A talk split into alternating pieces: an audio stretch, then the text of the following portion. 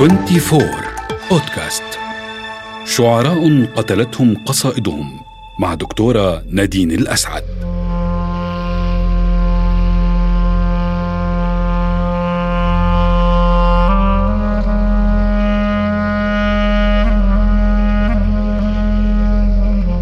أبو نخيلة واحد من ضحايا الشعر. فالشعر سيف قد يحرج الآخرين لكنه قد يقتل قائله. والشعر هو الشريان الذي ينبض بحياة الأدب العربي لكنه قد يتوقف عن النبض حاملا معه مأساة شاعر. شاعرنا قتلته إحدى قصائده ليموت أبشع ميته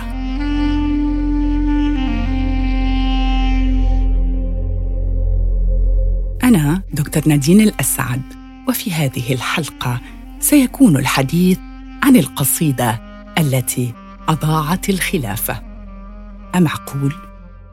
أمعقول أن تضيع الخلافة بسبب قصيدة قالها أبو نخيلة فضيعت له حياته. وإليكم قصة القصيدة.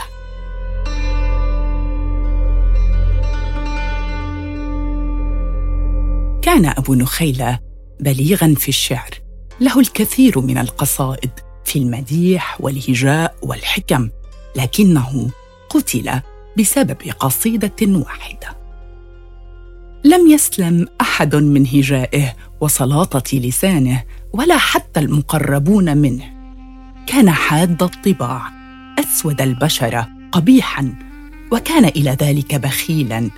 يروى عنه أن اعرابيا من بني تميم نزل عليه. فاطعمه لكنه لم يشبع. ولما طلب المزيد من الطعام هجاه. ويبدو أن أبواب الشؤم قد فتحت أمام أبي نخيلة الذي كثر أعداؤه ومبغضوه. وقد جهز له الحظ ميتة نادرة وهي أبشع ميتة. قتلته إحدى قصائده. لكنه لم يكن في ذلك الأول ولا الأخير. فكم من شاعر ذهب ضحية قصيدة من قصائده. لكن أبا نخيل قد حصد فاجعة موصوفة. من هو أبو نخيله هو نخيل بن جوز بن حزن بن زائد بن لقيط بن هدم بن يثربي من تميم. لقب بأبي جنيد وأبي العرماسي الحماني. وسمي أبا نخيلة لمولده تحت نخلة. كان عاقا لأبيه الذي نفاه إلى بادية الشام. عاش في العصرين الأموي والعباسي ومدح الخلفاء من العصرين. فعندما كانت السلطة بيد بني أمية كان يمدحهم.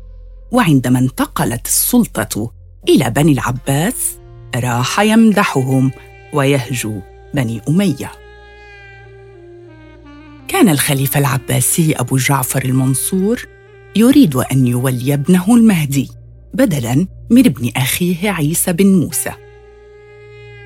ووجد أبو نخيلة أنها الفرصة المناسبة للتقرب من أبي جعفر وأيده ودعاه إلى خلع عيسى مبايعا المهدي بالقصيدة التالية.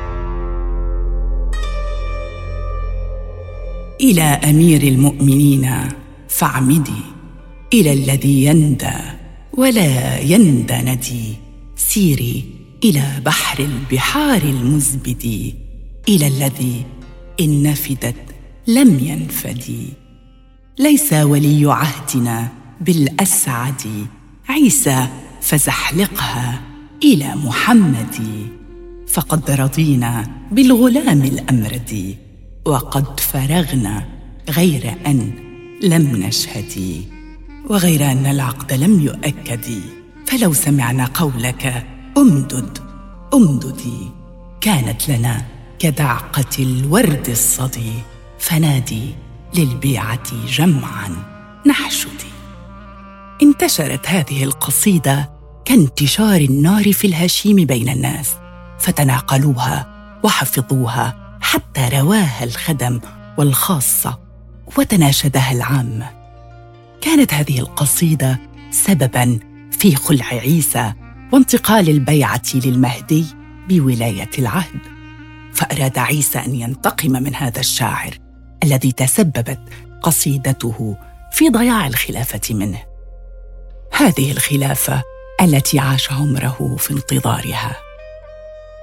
واشتد غضب عيسى على أبي نخيلة فأوغر صدره على الشاعر الذي فر إلى خراسان فأرسل خلفه عددا من الرجال وذبحوه وسلخوا وجهه ومثلوا به وألقوا جسمه إلى النسور كي تنهش لحمه حتى لم يبق منه إلا عظامه.